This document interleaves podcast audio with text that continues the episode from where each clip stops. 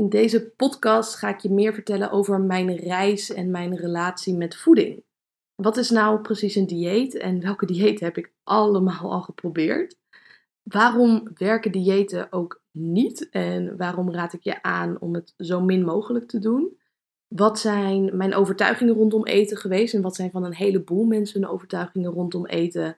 Wat zijn impactvolle dingen die in mijn leven gebeurd zijn op het gebied van lichaamsbeeld? Want daar heeft het in mijn optiek heel veel mee te maken.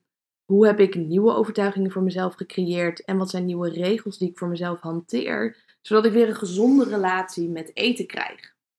De mensen die mij al langer volgen, die weten dat ik in het verleden een ernstige eetstoornis heb gehad. En dat was bij mij dusdanig dat ik ook op het randje van de dood was. En daar ga ik straks in de podcast ook nog in het kort iets meer over vertellen. Maar destijds hebben ze ook tegen mij gezegd: Isabelle, het gaat niet mogelijk zijn om weer een gezonde relatie met eten te krijgen. Dit is iets wat je altijd met je mee zal dragen. En 1 op de 10 mensen, volgens mij, misschien nog wel meer, komt te overlijden aan een eetstoornis. En heel veel mensen vallen terug. En anders zal je altijd bepaalde overtuigingen blijven houden of last blijven houden. Want dat is in onze maatschappij ook ergens heel erg normaal.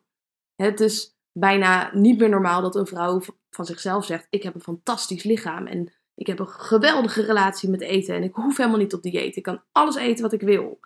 Maar dat was wel het B-punt wat ik heel graag wilde. En wat bij mij een beetje de kop in werd gedrukt onder het mom van het is onmogelijk. Dus dat is voor mij ook de reden om deze podcast op te nemen. Niet zozeer vanwege de mensen die dit mogelijk luisteren en een hebben of hebben gehad. Maar vanwege het grotere plaatje, omdat ik weet dat een heleboel mensen een ongezonde relatie met voeding hebben. En ik denk dat als die basis goed staat, als die klopt, als wij het vanuit de juiste overtuigingen doen, dat het veel makkelijker, makkelijker gaat zijn om goed voor jezelf te zorgen. Een andere reden waarom ik hier zo fanatiek mee aan de slag ben gegaan, is omdat bij voeding, dat is iets wat je de rest van je leven zal moeten blijven doen op het moment dat je bijvoorbeeld een uh, gokverslaving hebt, of een alcoholverslaving, of een drugsverslaving, dan zou je kunnen stoppen met de verslaving. Ik zeg niet dat het makkelijk is. Je zou de achterliggende problematiek kunnen oplossen. En in mijn optiek heeft het heel vaak te maken bij welke problemen je ook hebt met het onderdrukken van bepaalde emoties. Zo heb ik dat zelf ook ervaren in mijn eetstoornis. Maar bij bijna alle andere verslavingen kan je stoppen met het saboterende gedrag of de saboterende acties. Bij eten is dat een veel lastiger verhaal, omdat om te overleven zal je moeten blijven eten. En een eetstoornis gaat nog wel eens gepaard met overmatig bewegen. En ook dat raad ik niet aan om te stoppen voor de rest van je leven. Ik train nu met heel erg veel plezier en ik ben ook heel blij dat ik mijn plezier in het sporten terug heb gevonden. Maar dat is absoluut niet vanzelfsprekend. Dus het was geen makkelijke reis. En dat is voor mij ook de reden om deze podcast op te nemen, om daar meer over te vertellen. Zodat jij daar hopelijk ook meer waarde uit kan halen. Omdat er nogal wat misvattingen zijn rondom eten, rondom diëten en rondom het lichaamsbeeld. Nou, allereerst wil ik iets meer context geven over diëten. Want wat is nou eigenlijk precies een dieet? Een dieet is een manier om af te wijken van wat je normaal gesproken eet door bepaalde dingen wel of niet te eten. En het kan met verschillende doeleinden zijn. Dus het kan zo zijn dat jij gewicht wil verliezen. Dat is voor de meeste mensen denk ik de reden om op dieet te gaan. Maar het kan ook zo zijn dat jij in gewicht wil aankomen. Of dat jij in gewicht gelijk wil blijven, maar je samenstelling wil veranderen. Dus bijvoorbeeld vetmassa verliezen en spiermassa kweken of in spiermassa aankomen. Of dat jij een bepaalde ziekte hebt en dat een dieet dat kan ondersteunen. op het moment dat je diabetes hebt, dat je op een andere manier eet dan wanneer je dat niet hebt. Nou, ik heb zelf ook een aantal diëten geprobeerd. En ik zeg geprobeerd, de meeste heb ik niet langer dan een maand volgehouden. Bij mij was het ofwel om gewicht te verliezen, ofwel om in gewicht aan te komen. Ik heb weinig diëten gedaan om mijn gewicht te behouden, om heel eerlijk te zijn. En dat is voor mij ook de reden dat ik een andere relatie met voeding ben gaan creëren na een bepaalde periode. Maar ik zal iets meer vertellen over de dingen die ik dus geprobeerd heb. Nou, het begon bij mij met het Sonja Bakker dieet. Dat was mijn allereerste dieet wat ik ooit volgde. En wat ik ook bij anderen had gezien. Want het was in die tijd een hele trend. Dus mijn zus die had toen een paar kilootjes overgewicht. En die werd daardoor ook gepest op de middelbare school. En ik zag dat gebeuren en ze ging toen op dieet en ze was wat kilo's verloren door Sonja Bakker dieet. En toen dacht ik, hé, hey, dat wil ik ook. In die tijd was ik ook net iets aan de zware kant. En ik sportte best wel wat, dus ik turnde op hoger niveau. Alleen vanuit huis kreeg ik bepaalde overtuigingen rondom voeding mee. Daar zal ik straks ook wat meer over vertellen, maar die maakt het voor mij heel erg lastig om slank te zijn. En ook mijn voorbeeld, mijn moeder, die had geen gezonde relatie met eten. Ook mijn oma, ik heb haar nooit gekend, maar wat ik van mijn moeder begreep, had ook geen gezonde relatie met eten. En ik denk dat dat indirect ook weer bij mij is gekomen, want we leren vanuit onze omgeving. Maar goed, het Sonja Bakker dieet was dus mijn eerste dieet. Ik denk dat ik dat een week lang heb volgehouden. Uh, voor de mensen die het niet kennen, uh, je krijgt een voedingsschema en dan vertelt zij wat jij exact moet eten. En dan heb je een ontbijt en een tussendoortje en een lunch en dan weer een tussendoortje.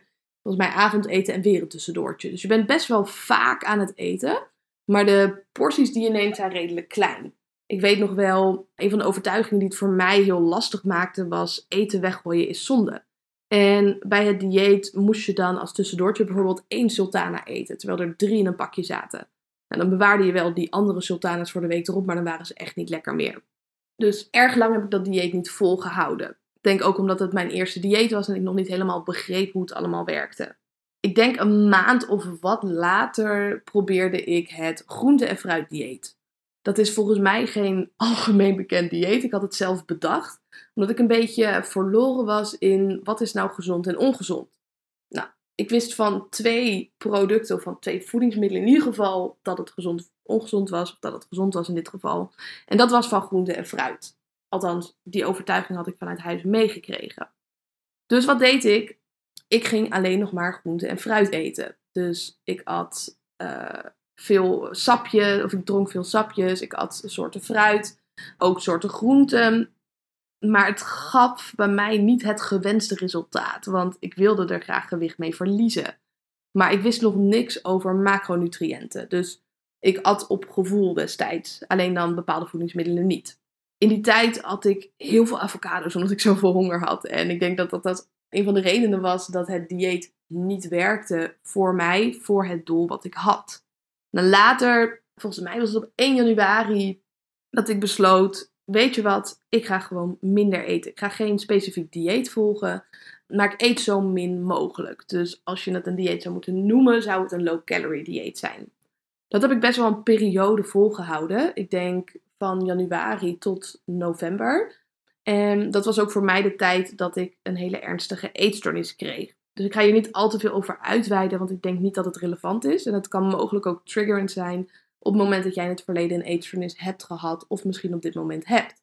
En omdat het geen toegevoegde waarde gaat bieden om hier meer over te spreken, zal ik er niet dieper op ingaan. Maar dan heb je ook een klein beetje context.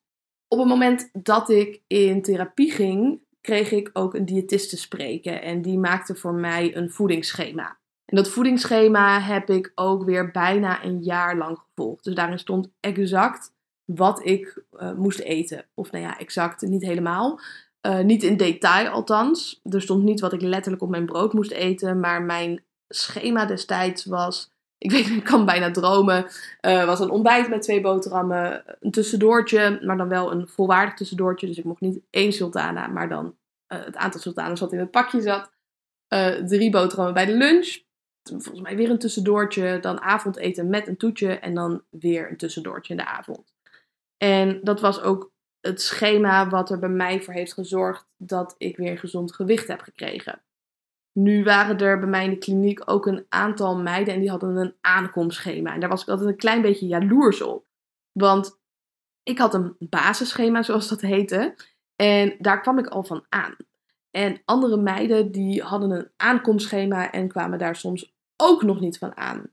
En in de tijd van mijn eetstoornis had ik al de overtuiging: mijn lichaam klopt niet helemaal. Ik zal voor altijd weinig moeten blijven eten. Ik kan nooit normaal eten. En dat versterkte eigenlijk die overtuiging heel erg.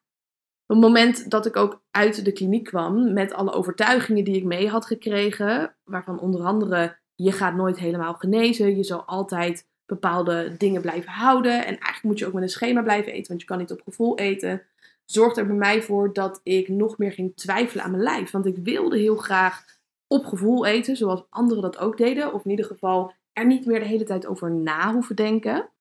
En die reis wilde ik gaan volgen. Dus ik ben al best wel snel mijn eetschema gaan loslaten. Uh, dat ging met ups en downs. Dus soms lukt het mij heel goed om op gevoel te eten. Dan kreeg ik weer een terugval en ging ik zo min mogelijk eten. Dus achteraf gezien denk ik dat ik beter in die tijd nog aan het schema had kunnen blijven vasthouden. Omdat die structuur er ook voor zorgde dat ik doorging, ook al vond ik het moeilijk. Maar dat is natuurlijk altijd achteraf gezien. En toen heb ik een hele tijd geen specifieke diëten gevolgd, maar mijn gewicht bleef wel toenemen nadat ik uit de kliniek was gegaan. Ik denk dat ik bij, nog meer woog uiteindelijk dan het gewicht wat ik had toen ik begon met diëten voor mijn eetstoornis. En ik heb zelf een spierziekte en die ziekte zorgt ervoor dat ik heel gemakkelijk spiermassa aanmaak. Het nadeel van die spierziekte is dat ik gemakkelijker verkramp uh, bij kou of bij stress. Dus dat is het nadeel ervan. Maar mijn, mijn omgeving wist wel ervan dat ik dit had, want mijn zus hebben dit ook, mijn vader heeft dit ook. Maar in de kliniek wisten ze dit niet. Dus op een gegeven moment kwam ik in de kliniek voor een meting en ze waren een klein beetje geschrokken. Ze waren bang dat ik eetbuien had gekregen of dat het niet goed met me ging, omdat ik bleef aankomen. En daar was ik zelf dus ook van geschrokken. En ook dat verbeterde bij mij niet echt de relatie met voeding, omdat ik geen eetbuien had. Tegenovergestelde juist.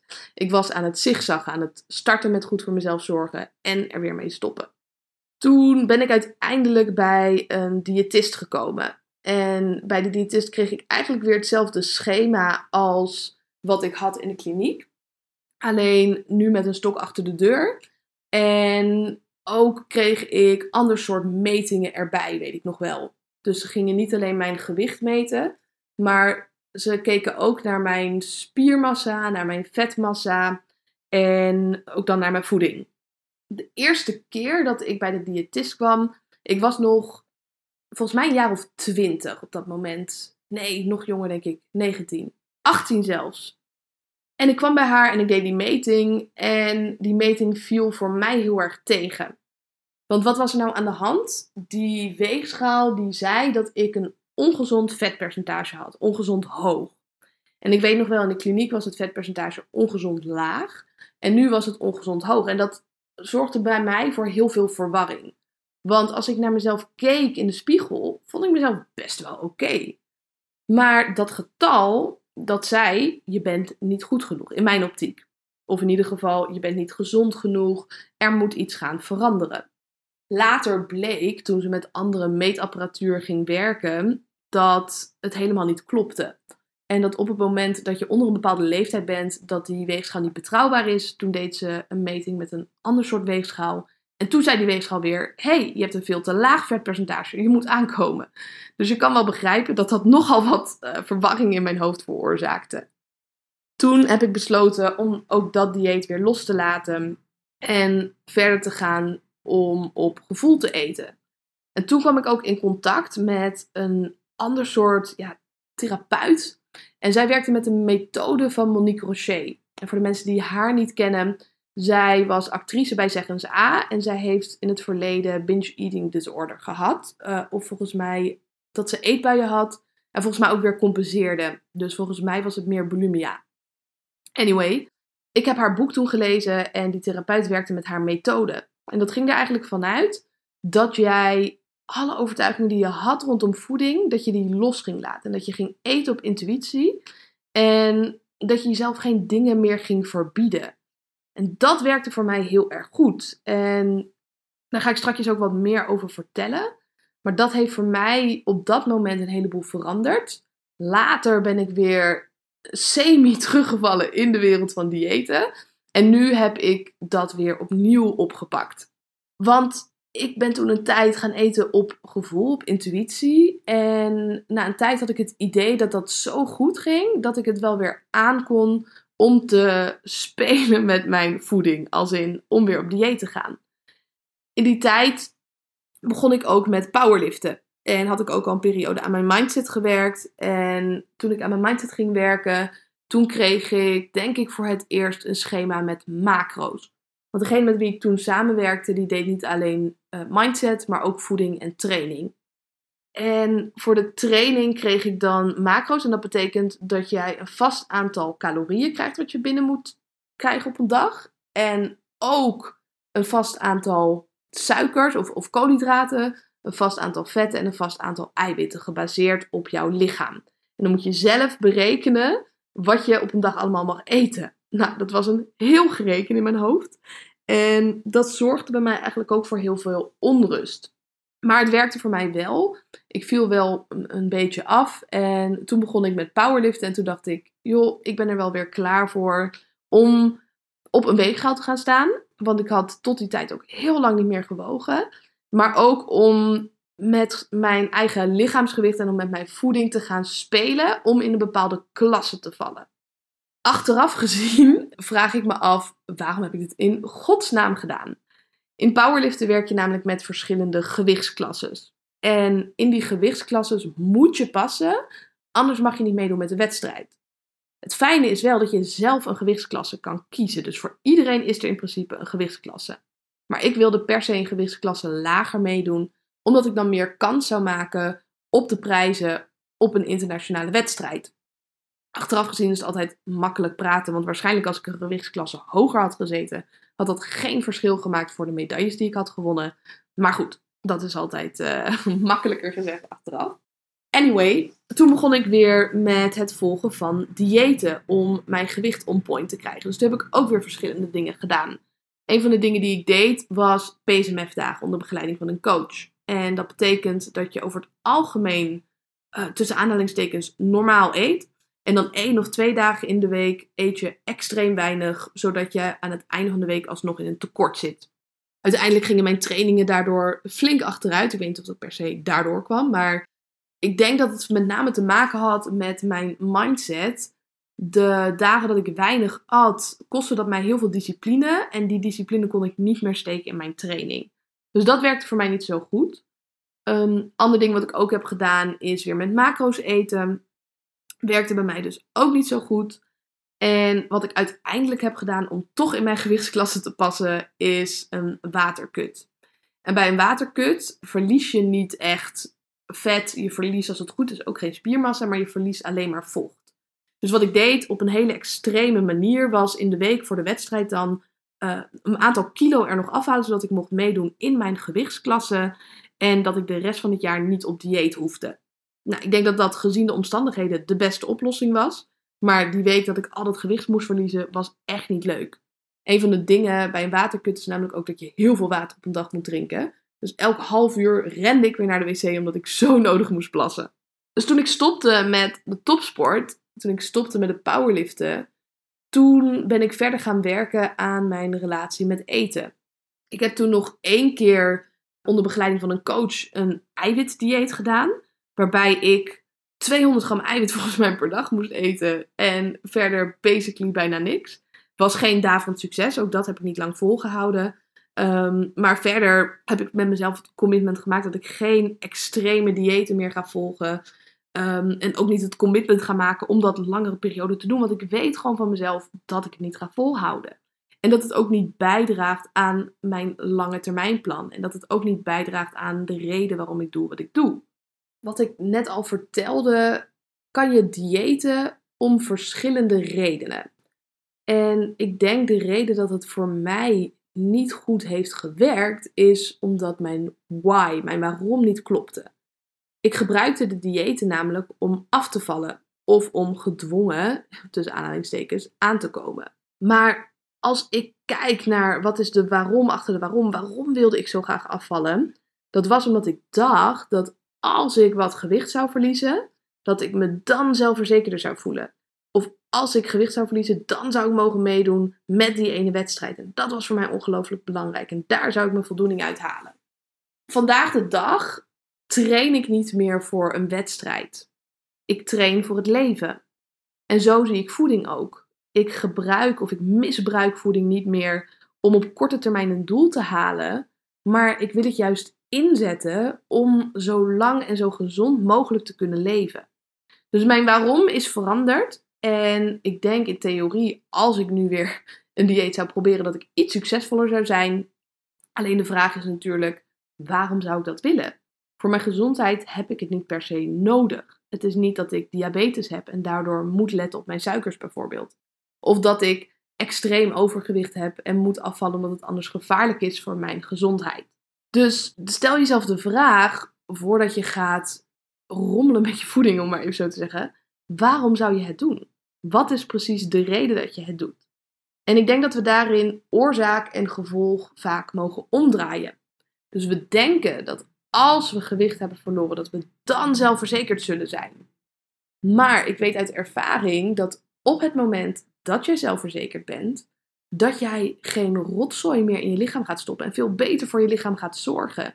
Dat je automatisch gezondere producten gaat eten, meer in beweging komt en daardoor een gewicht krijgt wat bij je past. In plaats van dat je hoopt dat als je gewicht verliest, dat je dan ineens in de spiegel kijkt en denkt: damn, ik ben super zelfverzekerd.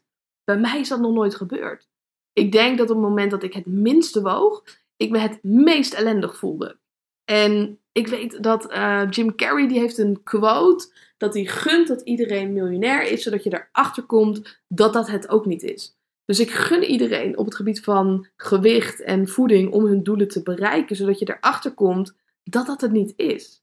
En dat het vaak een manier is om met dingen te dealen die een, een diepere oorzaak hebben. En daar ga ik het straks zo ook over hebben.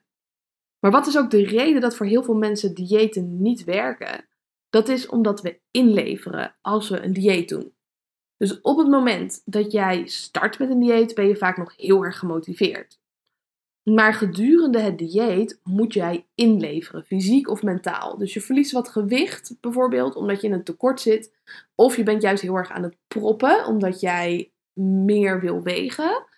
En dat gaat ten koste van jouw wilskracht, van je discipline. Die kan je vergelijken met een pot met knikkers. En elke keer dat je iets doet wat discipline kost, dan lever je een knikker in.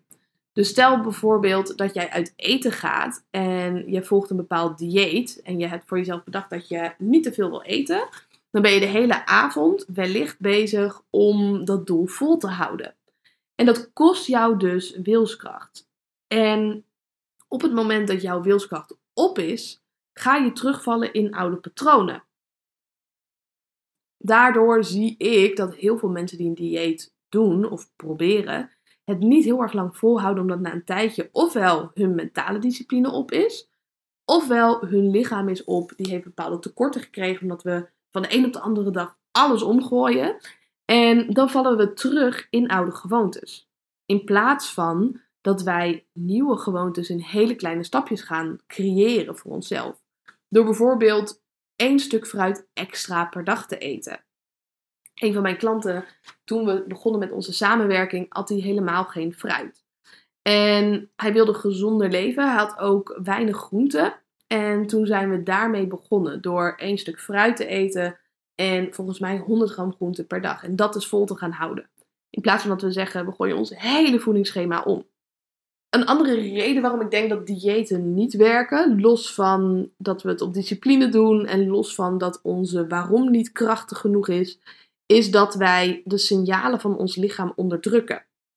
Ons lichaam geeft bepaalde signalen aan. Dus het geeft aan wanneer we moe zijn, het geeft aan wanneer we juist in beweging willen komen en het geeft aan wanneer we trek hebben en vol zitten. Op het moment dat je een dieet volgt, dan gebruik je je hoofd, je ratio, en onderdruk je vaak de signalen. Je lichaam zegt misschien: hey, ik heb geen honger meer. En toch gooi jij er extra eten in. Of andersom, je lichaam zegt: hey, ik heb zin in iets. En jij zegt: oh nee, we gaan niet eten. Dus vanwege die redenen denk ik niet dat diëten een duurzame manier is van leven op het moment dat je mindset niet krachtig genoeg is. Dat zie ik bijvoorbeeld ook bij vrouwen die wedstrijden doen in bikini fitness of in bodybuilding, maar ook wel bij mannen. Ze starten vanaf een punt waarop hun mindset geen 9 of een 10 is. Die gaan een langere periode op dieet, waarbij je elke keer dus inlevert op basis van wilskracht. En na de wedstrijd zie je dat ze in no time heel veel gewicht aankomen. Of in ieder geval een slechte relatie hebben met voeding. Omdat hun relatie aan het begin al niet optimaal was. Omdat hun mindset aan het begin ook al niet optimaal was. Je gaandeweg gaat inleveren en daardoor wat verstoorde relatie krijgt met zowel je lichaamsbeeld als met je voeding. Dus daar ga ik ook iets meer vertellen over mijn overtuigingen rondom eten, mijn belemmerende overtuigingen, maar ook hoe ik voor mezelf nieuwe overtuigingen heb gecreëerd.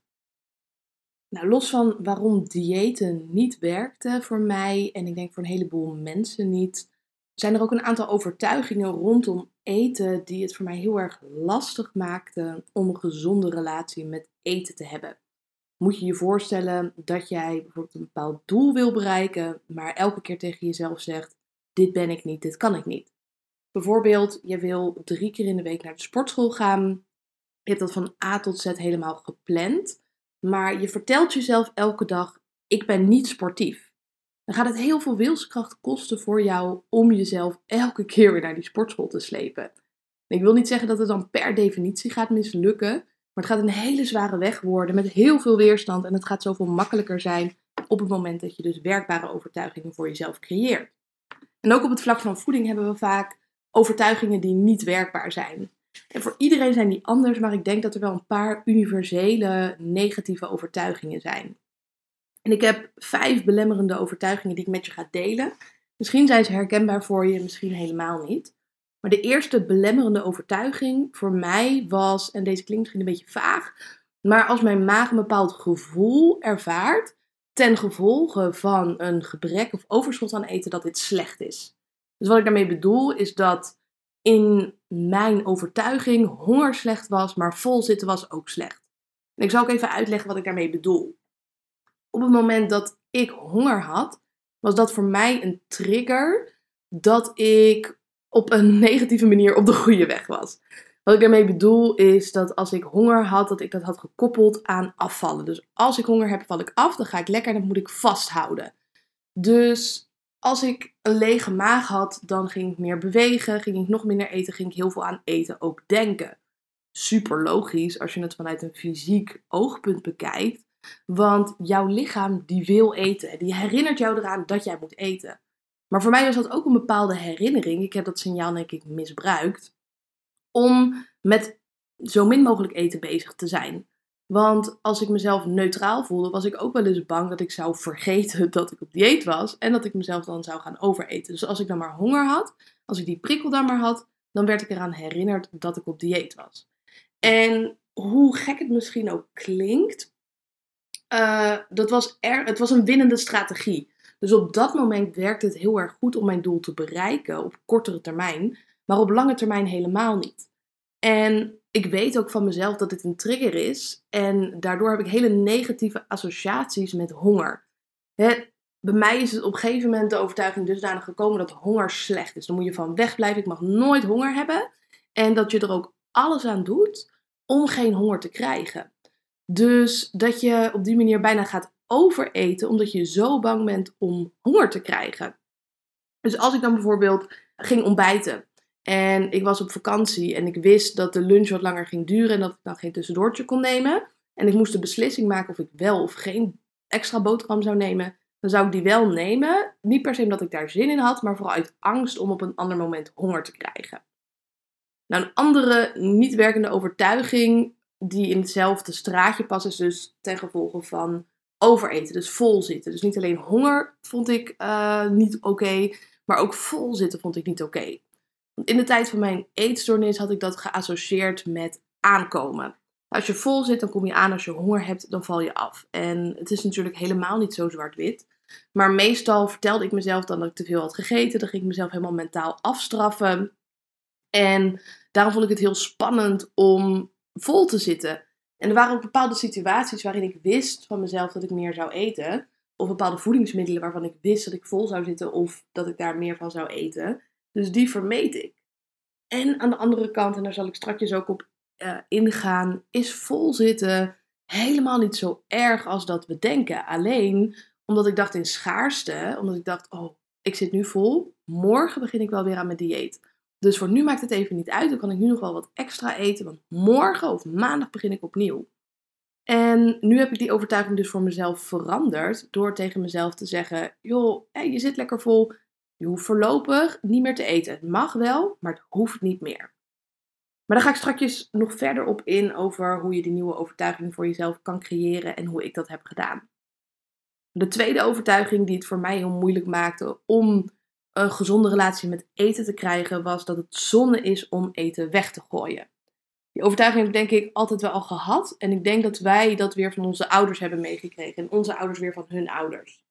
Je moet niet vergeten dat onze opa en oma, voor mijn leeftijdscategorie dan, de oorlog hebben meegemaakt. En in de oorlog was heel veel schaarste, met name op het gebied van voeding. En ik denk dat zij dat onbewust op hun kinderen hebben geprojecteerd en onze ouders weer op ons. Afhankelijk van je leeftijd natuurlijk. Dus ik heb van mijn ouders geleerd dat het zonde is om eten weg te gooien en dat je je bord moet leeg eten.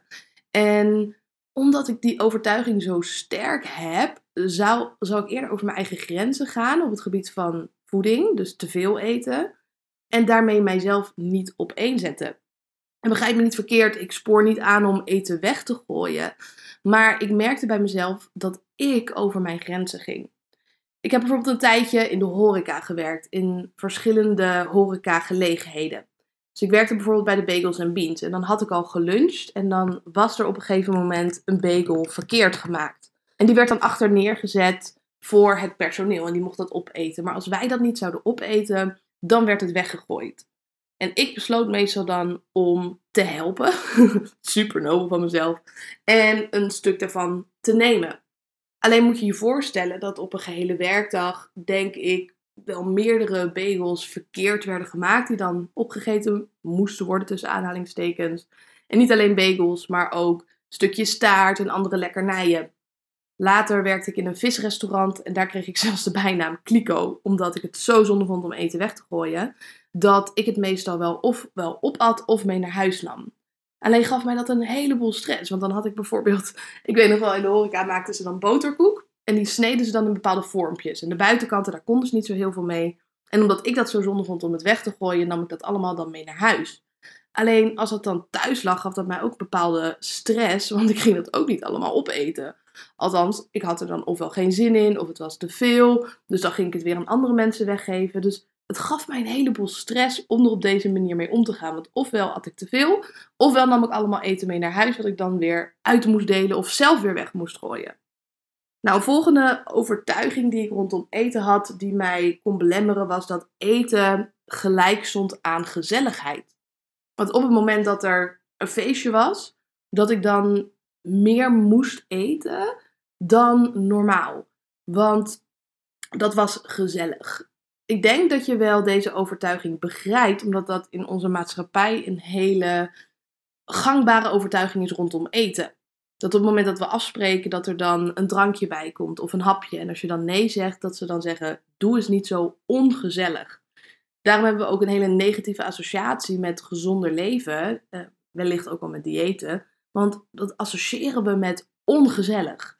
We vinden op de een of andere manier dat als we aan tafel zitten met elkaar, met een watertje en worteltjes met hummus, dat dat minder gezellig is dan wanneer we dit doen met een glas wijn en chipjes erbij. Terwijl in mijn optiek is dat natuurlijk heel bizar. Het maakt los van de alcohol waarschijnlijk geen echt verschil. Maar we zijn vaak zo oncomfortabel met de stilte die er anders is, of die zou kunnen vallen, dat we dan maar meer gaan eten dan we eigenlijk zouden willen. Dus wat blijkt op het moment dat we uit eten gaan met z'n allen of in gezelschap eten, dat we vele malen meer eten dan dat we zouden doen als we alleen zijn. Om van deze overtuiging af te komen, ben ik mezelf ermee gaan confronteren met hoe het is om het anders te doen. Want ik wist dat ik deze overtuiging had. En ik ben bijvoorbeeld juist minder gaan eten in gezelschap. Bijvoorbeeld dat je op een gegeven moment besluit om te stoppen. En dat je wordt geconfronteerd met dat ongemakkelijke gevoel dat andere mensen aan het eten zijn, dat jij al klaar bent en dat het even stil is. Want we doen zoveel om die stilte op te vullen. We pakken onze telefoon er dan bij als we even een leeg moment hebben, of we gaan inderdaad in dit geval eten. Wat mij ook hierbij heeft geholpen is om alleen in een restaurant te zitten. In mijn hoofd kon dat echt niet. Ik werkte natuurlijk in een horecatent en daar werd nogal wel geroddeld. Dus op het moment dat iemand alleen zat in een restaurant, dan had het personeel daar ook wel een bepaalde mening over, afhankelijk van wat die persoon deed. Als die aan het werk was, dan snapten we dat volledig. Maar als iemand vaak in zijn eentje ging eten, dan dachten we toch, wat is daar aan de hand? Heeft die persoon bijvoorbeeld geen partner? Of niemand anders om mee uit eten te gaan? En die overtuigingen, die heb ik onbewust, denk ik, overgenomen. Dus wat ik ging doen, en ik heb dit voornamelijk veel gedaan toen ik alleen op reis was, was dat ik alleen naar een restaurant ging zonder afleiding. Misschien nam ik dan wel mijn journal mee, maar ik ging niet mijn laptop meenemen en dan alsnog werken of mijn telefoon meenemen. Maar ik ging echt in mijn eentje eten. En niet alleen in restaurants ben ik dat gaan doen, ik ben dat ook thuis gaan doen. Want eten is gezelligheid, dus dat betekent bij mij dat als ik alleen at, dat ik het moeilijker vond om te eten. En wat ik dan deed een hele periode, was dat ik met afleiding ging eten. Dus ik at met mijn telefoon erbij, of ik at voor de televisie, of ik wachtte totdat andere mensen thuis kwamen om te gaan eten met hen. En dan was ik altijd een klein beetje teleurgesteld als ze dan niet gingen eten, want dat betekende dat ik dan alleen moest eten. En ik moest daarmee wel geconfronteerd worden in mijn optiek met dat ongemakkelijke gevoel. Want anders was ik altijd afhankelijk van wanneer anderen met mij konden eten. Ook al betekende dat dat ik dan een tijdje trek zou hebben of mijn hele schema zou omgooien. Dus wat ik vervolgens ben gaan doen, is dat gaan afbouwen. Dus eerst at ik bijna elke maaltijd, ofwel met anderen, ofwel voor de tv of voor mijn laptop. En per maaltijd ben ik dat gaan afbouwen om daaraan te wennen en nu eet ik nauwelijks meer voor de televisie. Ik heb bij mezelf de afspraak dat ik dat één keer in de week doe. En verder, ja, of, hè, soms heel toevallig. Of dat ik eens, als ik een, een filmpje kijk, iets erbij eet. Maar over het algemeen zet ik ook de tv op dat moment op stop. Dus als ik in gezelschap ben en toevallig staat er wat op. Soms is dat zelfs muziek, waarbij ik dan al vraag: joh, zou je dat even af willen zetten? Omdat ik het eten met aandacht wil doen. Een andere niet werkbare overtuiging die ik had rondom eten is dat eten te maken heeft met bepaalde emoties. Wat ik al eerder zei, een heleboel verslavingen hebben te maken met emoties, met het wel of niet willen voelen van emoties. En ook bij voeding zie ik dat, los van de mensen die een eetverslaving hebben of een eetprobleem, dat wij onze emoties proberen op te lossen met voeding. Dus op het moment dat we ons rot voelen, dan gaan we ofwel meer eten of minder eten. Omdat we die emotie voelen en niet willen voelen. Of dat die emotie zo sterk is dat wij ons hongergevoel niet meer ervaren, dat we daarin eten dan misbruiken. Dus bijvoorbeeld, wat je, een klassiek verhaal wat je vaak hoort, is dat als vrouwen een break-up hebben met hun vriend, dat ze dan heel veel gaan eten. En dat ze dan chocola pakken en chips het zal niet 100% waar zijn wat je natuurlijk op het plaatje ziet. Maar ik weet wel dat op het moment dat je bepaalde emoties ervaart, en ook afhankelijk van de emotie, je behoefte hebt aan bepaald eten. Dus als we boos zijn, hebben we vaak eerder behoefte aan iets wat kraakt. Als we verdrietig zijn, hebben we meer behoefte aan iets zachts en iets zoets. Maar het gaat niks oplossen. Sterker nog, vaak als je hebt gegeten nadat je je al rot voelde over iets, voel je je alleen maar rotter. Dus ik ga er straks nog op in hoe je dit kan herformuleren voor jezelf. Uh, ik heb meer last gehad van het tegenovergestelde. Dus als ik een heftige emotie ervaarde, dan ging ik juist minder eten. Was er een stemmetje die dan tegen mij zei: Joh, je hebt al genoeg aan je hoofd. Je hoeft niet ook nog eens met eten bezig te zijn. We zetten dit maar even op stop. En dit kan je bijna vergelijken, denk ik, met je reptiele brein. Die zegt: we gaan vechten, we gaan vluchten of we gaan bevriezen. En in mijn geval heb ik de neiging om op dat vlak te gaan bevriezen. Je kan natuurlijk verschillende strategieën hebben om met dingen om te gaan, afhankelijk van het vlak. Dus op eten zal ik wellicht op dit vlak wat meer bevriezen, maar op andere vlakken heb ik meer de neiging om te vechten of te vluchten. De laatste overtuiging die bij mij belemmerend werkt om een gezonde relatie met eten op te bouwen, was dat eten een bepaalde lading heeft. Wat ik daarmee bedoel is dat eten gezond is of ongezond, of goed of slecht, of veel of weinig. We hebben een heleboel ladingen als het gaat om voeding, over wat we dus wel en niet zouden moeten eten. We denken daarin heel erg in hokjes. En die lading kan tegenwerken, want dan heb je gegeten en dan ga je die hele maaltijd bijvoorbeeld evalueren als goed of slecht. En vaak koppelen we ook daar een stukje eigenwaarde aan. En daar gaan we vaak ook de mist in. Dat als we goed hebben gegeten, we onszelf beter voelen over onszelf, want we hebben een bepaald doel bereikt. Of op het moment dat we ongezond gegeten hebben, dat we ons slecht voelen over onszelf. En dat wij daardoor onszelf naar beneden gaan halen in ons hoofd. En nu is een heleboel afhankelijk van de context. Dus eten is niet in de kern goed of slecht. Het is natuurlijk niet zo dat als jij chips eet, dat jij in één keer dood neervalt. En het hangt natuurlijk ook helemaal af van de hoeveelheid. Maar wat er gebeurt op het moment dat we onszelf vertellen: we hebben iets slechts gegeten, uh, we koppelen dat aan onze eigen waarde en nu zijn we een slecht persoon, dan is het riedeltje wat vaak gebeurt dat we denken: nu is het toch al verpest, nu kan ik er net zo goed mee stoppen, maandag begin ik opnieuw. In plaats van als je er neutraal naar kijkt en ziet: hé, hey, ik heb een schaaltje chips gegeten, er is letterlijk niks aan de hand. Ik hoef nu niet de hele zak te eten, ik hoef nu niet mijn hele uh, levensstijl om te gooien om maandag opnieuw te gaan beginnen. Dan wordt het allemaal wat minder beladen en kan je het ook veel makkelijker uiteindelijk weer loslaten. Dus dat waren de vijf belemmerende overtuigingen op het vlak van voeding die het moeilijk voor je maken om een gezonde relatie met eten op te bouwen die belemmerende overtuiging waar ik het net over had, die ben ik deels gaan herformuleren of nieuwe overtuigingen voor mezelf gaan creëren die het makkelijker maakten om een gezonde relatie met eten op te bouwen. En ik heb het dan niet per se over diëten, want bij een dieet kies jij om een bepaald voedingsmiddel wel of niet te nemen, of het dieet schrijft dat voor. En ik wilde juist intuïtief gaan eten, dus geen lading meer hebben, wat ik net al aangaf, op het vlak van voeding. En een van de nieuwe overtuigingen die ik voor mezelf heb gecreëerd is dat ik altijd mag eten. Dus in alle diëten die ik heb gedaan waren er redelijk vaste maaltijdfrequenties of tijdstippen waarop ik at. Wat ik al eerder vertelde, ik had bijvoorbeeld een voedingsschema dat ik zes keer per dag at. Maar ik heb ook intermittent fasting gedaan, dat je bijvoorbeeld maar één maaltijd per dag eet of maar acht uur per dag eet.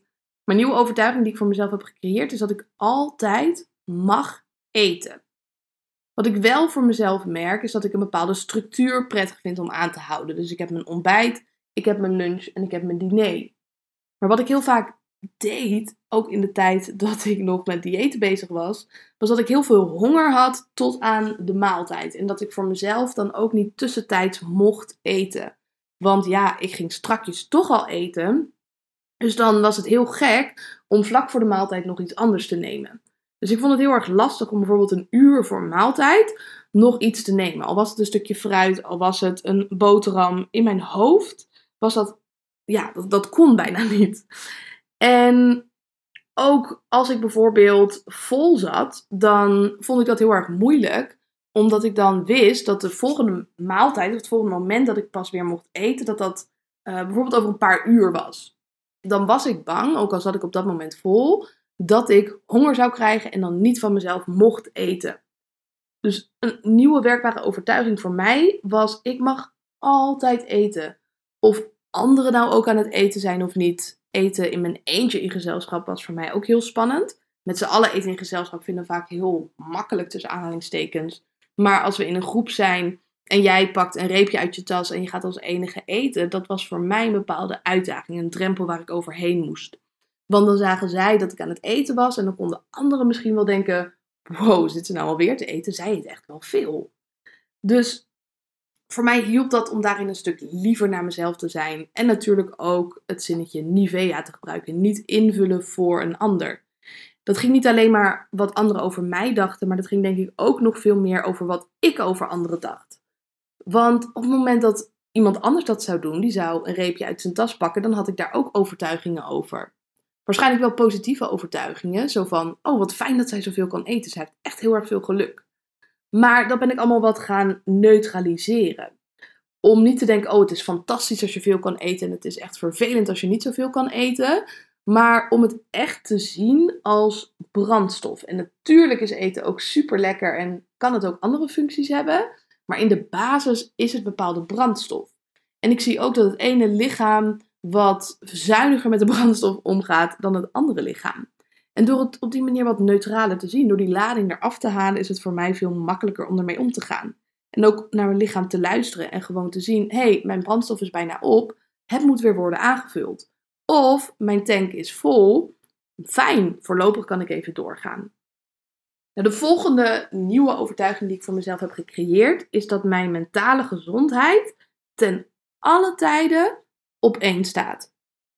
Wat ik daarmee bedoel is dat we een heleboel dingen doen uh, en we gaan daarmee over onze eigen grenzen. Dus in mijn geval had ik de belemmerende overtuiging om eten weg te gooien, want dat is zonde.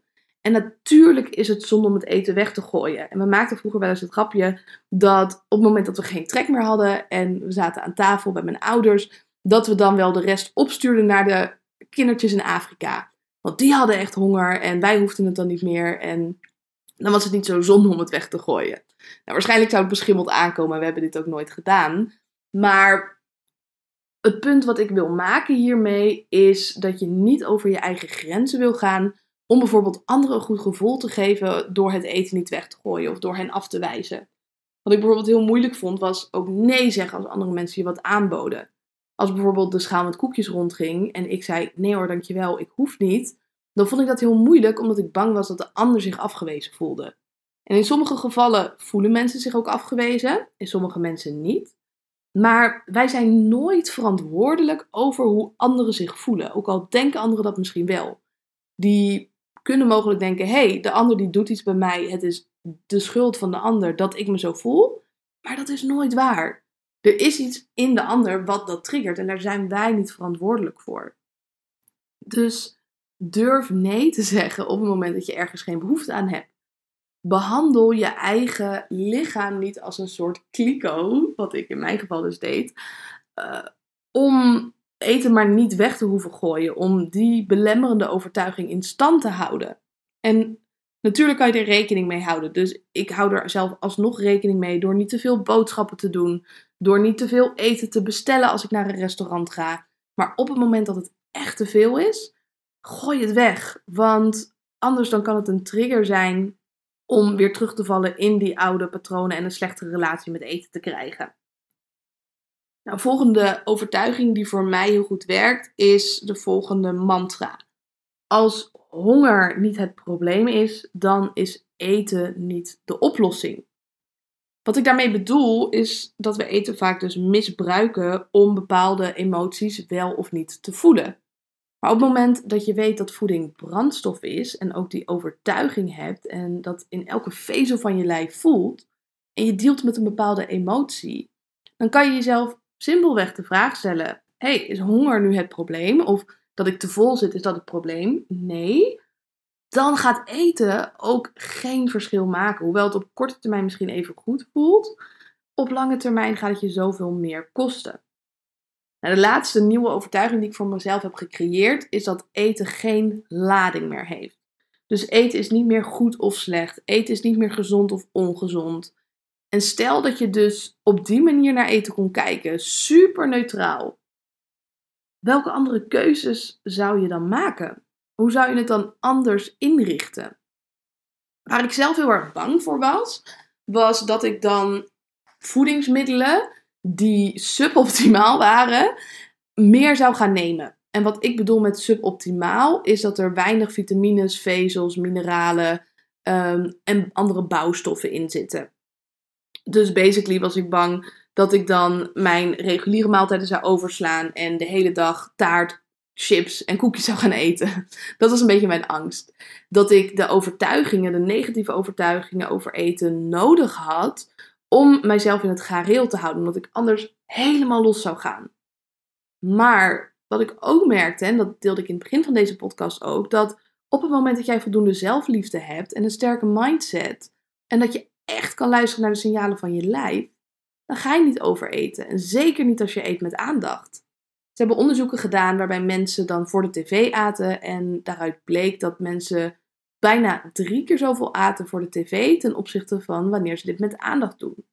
Dus op het moment dat jij met aandacht eet, dan is de kans dat je echt gaat overeten minimaal. Ik ben dus die lading van eten af gaan halen en ik heb dit ook bij een aantal van mijn klanten aangeraden. En ook zij waren bang dat ze dan bijvoorbeeld elke avond chips zouden eten.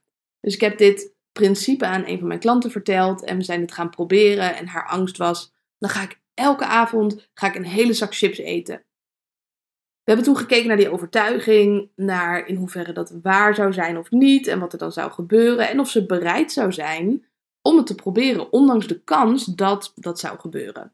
Twee weken later spraken we weer met elkaar en wat bleek, ze had eigenlijk juist minder chips gegeten met deze nieuwe overtuiging ten opzichte van wat ze normaal gesproken zou doen. Omdat ze zichzelf anders zou vertellen, ik mag het niet en dan wil je het alleen maar liever. Net zoals, denk maar eens niet aan het roze olifantje. Nou, waar denk je aan? Precies aan het roze olifantje. Dus door die lading eraf te halen, merk ik dat het alleen maar beter gaat en dat je echt gaat luisteren naar de signalen van je lichaam in plaats van dat je met je hoofd gaat eten.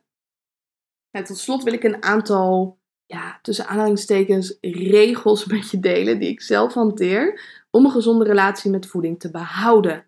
Want ik weet van mezelf dat er een aantal triggers zijn en daarom vind ik het ook heel belangrijk om scherp te zijn op deze dingen. Dus een van de dingen die ik hanteer voor mezelf is dat ik niet praat over eten in ofwel een hele negatieve zin, ofwel in een hele positieve zin. Omdat dat voor mij allebei triggers zijn. Dus op het moment dat ik in een ruimte zit en mensen beginnen ineens over bepaalde diëten te praten, ook al volgen ze het helemaal niet, misschien is dat nog wel erger, dan voel ik mijzelf getriggerd. Dan triggert dat bij mij, oh, misschien moet ik dit ook wel doen. Het is bijna een soort FOMO of een groepsdruk van misschien moet ik ook wel op een dieet gaan. Oh, dat moet ik ook gaan proberen. Als mensen het dan ineens gaan hebben over misschien een nieuw dieet of iets anders wat voor hen heel goed heeft gewerkt. Of misschien voor iemand in hun omgeving. Hoe dan ook, het helpt mij niet. Dus op dat moment geef ik dat ook aan. En dat is super kwetsbaar om te zeggen: joh, jongens, vinden jullie het heel erg om van onderwerp te veranderen? Want ik merk dat dit wat met me doet. Ik merk dat dit mij triggert. Dat betekent niet dat mensen nooit meer dingen mogen delen over voeding. Alleen als het met het doel is om gewicht te verliezen, merk ik dat het me triggert. Terwijl als het doel is om gezonder te worden, om te trainen voor het leven en om te eten voor het leven, of om je mindset te trainen, dan merk ik dat het bij mij een minder grote trigger is. Maar om terug te komen op het onderwerp, daarom is voor mij de uh, regel om niet in negatieve zin over voeding te praten of te positieve zin. Dus bijvoorbeeld om te zeggen dat eten slecht is of dit dieet is fantastisch of ook het filosoferen over eten, over wat we dan vanavond gaan eten en dat is zo fantastisch en dat is zo lekker en wat gaan we allemaal halen. Het is allemaal extra headspace. En op het moment dat ik mijn boodschappen ga doen, dan denk ik er wel over na. Maar ik wil ook niet de hele dag met eten bezig hoeven zijn. En natuurlijk is er een grijs gebied tussen de hele dag met eten bezig zijn of zo min mogelijk met eten bezig zijn. Maar alle extra ruimte die ik nu in mijn hoofd heb, omdat ik juist niet meer met eten bezig ben, kan ik weer gebruiken voor dingen die echt belangrijk voor mij zijn. Ik weet nog wel in de tijd dat ik mijn eetstoornis had, dat ik het heel spannend vond om dat los te laten. Want wat nou als ik niet meer werd belemmerd door de hele dag aan het onderwerp te denken? Waar ging ik dan mee bezig zijn? Als ik niet meer de hele dag bezig was met overmatig bewegen en zo min mogelijk eten, calorieën tellen, noem maar op. Ik weet nog wel in die tijd dat mijn vader ehm, met mij mee was naar de kliniek en dat ze zeiden: joh, je kan het beste zo min mogelijk met ze over voeding praten, want ze zijn er al de hele dag mee bezig in hun hoofd. En dat mijn vader dat heel erg moeilijk vond. Dat hij zei, ja, maar als ik met haar over eten praat, dan gaan haar ogen helemaal stralen. En dan weet ze er alles van en dan weet ze er heel veel over te vertellen. Want dat was echt waar ik de hele dag mee bezig was. En ik kon me bijna niet voorstellen hoe het zou zijn als het anders was. Je kan het bijna vergelijken als dat je nog nooit hebt gezien. En dan ineens, dan kan je op de een of andere manier zien. Misschien met een bepaalde operatie of met een bepaalde bril dan ziet de wereld er heel anders uit. Maar op het moment dat je blind bent, kan je dat niet uitleggen aan jou hoe dat eruit zou zien. En zo voelde het ook met voeding. Je moet er dan maar op vertrouwen dat als je dat meer los gaat laten, als je daar niet meer mee bezig bent, dat het allemaal goed gaat komen en dat er meer ruimte gaat zijn voor de dingen die echt belangrijk voor je zijn. Nou, niet alleen met voeding besluit ik om daar niet in positieve of negatieve zin over te praten, maar ook over lichamen. Zowel over mijn eigen lichaam, als het lichaam van iemand anders. Of als er in een groep over iemand anders weer wordt gepraat. Dus ik heb best wel wat negatieve opmerkingen over mijn lijf gaandeweg te horen gekregen. Zoals dat ik te dik was, of te dun, of te gespierd. Ik heb daarin ook met een interview in de Vrouw gestaan over dat ik wel gewend ben dat andere mensen mijn lichaam niet mooi vinden. En ik vond het wel grappig, want ik heb een heleboel reacties gekregen van mensen die zeiden: Ja, maar ik vind jouw lichaam echt wel mooi. Ik denk dat die ook het punt van het interview gemist hebben. Want het hele punt is: ik kijk daar heel erg neutraal naar. En natuurlijk vind ik mijn eigen lijf heel mooi, maar wat anderen daarvan vinden maakt me niet zo heel veel uit. En net zoals dat ik eten als een uh, manier zie om mijn dag zo goed mogelijk door te komen en waarschijnlijk zo oud mogelijk te worden en goed voor mezelf te zorgen, zo zie ik trainen ook. En slapen ook. En die combinatie zorgt ervoor dat je lichaam er op een bepaalde manier uit gaat zien. Als je daar heel erg tegenin gaat, omdat je een bepaald ideaalbeeld nastreeft, ben je in mijn optiek niet altijd gezond bezig. Stel dat ik er als een ballerina uit zou willen zien, dan zou ik dusdanig extreme maatregelen moeten treffen dat mijn lichaam niet gezond is. Dus op het moment dat jij goed voor je lijf zorgt, vanuit een krachtige mindset, dan krijg je een lijf dat daarbij past. En dat kan je mooi vinden of niet. En natuurlijk is het heel fijn als je dat mooi vindt. Maar dat is niet de essentie ervan. Dat jouw main goal is dat jij je lijf prachtig gaat vinden.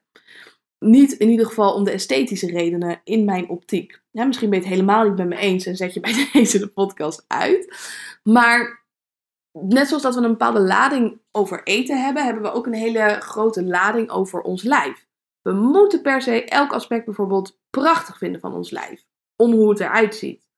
En ik ben gaandeweg gaan leren, en daar heeft het powerlift ook aan bijgedragen, om mijn lijf niet per se te waarderen om hoe het eruit ziet, maar vooral om wat mijn lijf kan. Dus toen ik nog naar de sportschool ging om een sixpack te krijgen, was ik elke keer teleurgesteld dat ik die sixpack nog steeds niet had. Want ik had een bepaalde verwachting, er was een bepaalde realiteit en er was een mismatch in. Terwijl toen ik mijn lijf meer ging zien als iets wat functioneert en iets wat bijdraagt aan een bepaald doel, en ik werd elke week 2,5 kilo sterker, dan klopte mijn verwachting ook met de realiteit. Of het werd overtroffen omdat het heel erg makkelijk ging. En ging mijn lijf alleen maar meer waarderen. Terugkomend op de regel, ik praat niet in positieve of negatieve zin over lichamen. Ik tolereer het niet als dat over mij wordt gedaan. Als mensen negatieve dingen over mij zeggen. Als ze bijvoorbeeld zeggen: Vind je het niet erg dat je armen zo groot zijn? Of je bent te groot, je bent te klein, je bent te dit, je bent te dat. Ik tolereer dat niet. Op het moment dat iemand zegt: Ja, je bent inderdaad gespierd, zit er niet zo heel veel lading op. Maar als er wel een bepaalde lading op zit of een bepaald oordeel, dan geef ik daarin heel sterk mijn grenzen aan. En niet alleen als dat over mij wordt gedaan, ook als mensen dat over zichzelf doen of als ze dit over andere mensen doen. Dus als ze bijvoorbeeld iemand zien lopen op straat en zeggen: Haha, diegene heeft bijvoorbeeld um, hele grote billen. Ik noem maar een voorbeeld. Of diegene is echt super dik. Of diegene is echt super dun. Die is echt te dun. Die ziet eruit alsof ze uit Auschwitz komt, bij wijze van spreken dan geef ik ook die grenzen aan. Want je kent het verhaal van die persoon niet. Je weet niet wat daarachter schuilt. Ik vind het altijd heel erg pijnlijk om te zien. Want ik weet wat voor struggles erachter liggen. En je hebt geen idee of diegene een eetstoornis heeft. Of juist heel hard probeert om aan te komen als iemand te dun is en het maar niet lukt. Of iemand die overgewicht heeft, alles aan heeft gedaan om af te vallen en het niet is gelukt. Vanwege allerlei achterliggende oorzaken. En dan ga je daar ook nog eens over oordelen. Ik voel me daar echt extreem ongemakkelijk bij. En ik ben dan ook niet bang om degene die een oordeel heeft daarop te kallen. Door te zeggen, joh, zou je hiermee op willen houden, want ik voel me hier heel ongemakkelijk bij. Dus je hoeft de ander niet een verwijt te maken. Je hoeft de ander ook niet naar beneden te praten. Het enige wat je hoeft te doen is te vertellen wat het met jou doet. En dan kan de ander vervolgens kiezen of die ermee doorgaat. En dan kan jij vervolgens kiezen om weg te lopen van de situatie. Nou, mijn laatste regel is dat ik luister naar de signalen van mijn lijf. Dus als ik honger heb, eet ik. Als ik vol zit, stop ik. Als ik me happy voel, ga ik wat met dat gevoel doen. Als ik me niet zo happy voel, ga ik wat met dat gevoel wat doen. En ik denk niet zozeer dat dit alleen maar betrekking heeft op voeding, maar ook op emoties en op andere vlakken van mijn leven. En we zijn zo geneigd om al die signalen te onderdrukken. Dus als we ons moe voelen, dan nemen we koffie om ons energieker te voelen. Of als we honger hebben, maar we zijn op dieet, nou, dan gaan we allemaal voeding eten met heel veel volume. En waar zo min mogelijk calorieën bij wijze van spreken in zitten, om die honger maar niet te voelen. Of als we ons vervelen, nou, dan pakken we onze telefoon erbij om dat ongemakkelijke gevoel maar niet te hoeven ervaren. En Ik denk dat het allerbelangrijkste is dat we niet per se ons goed voelen, maar beter gaan worden in voelen, zodat we bepaalde dingen een plek kunnen geven en daar zo goed mogelijk mee om kunnen gaan. Dit was de podcast over hoe je een gezonde relatie met voeding opbouwt. Vond je deze podcast waardevol? Deel vooral er iets over op social media. Maak bijvoorbeeld een screenshot dat je deze podcast luistert of een selfie en deel hem op Instagram. En als je meer wil leren over hoe je een topsportmentaliteit krijgt, kijk dan vooral op mijn website isabelleveteris.com. Daar kan je zien wat voor jou mogelijke logische vervolgstappen zijn. En ik zou het natuurlijk super leuk vinden als je ook mijn andere podcast luistert. En tot de volgende keer.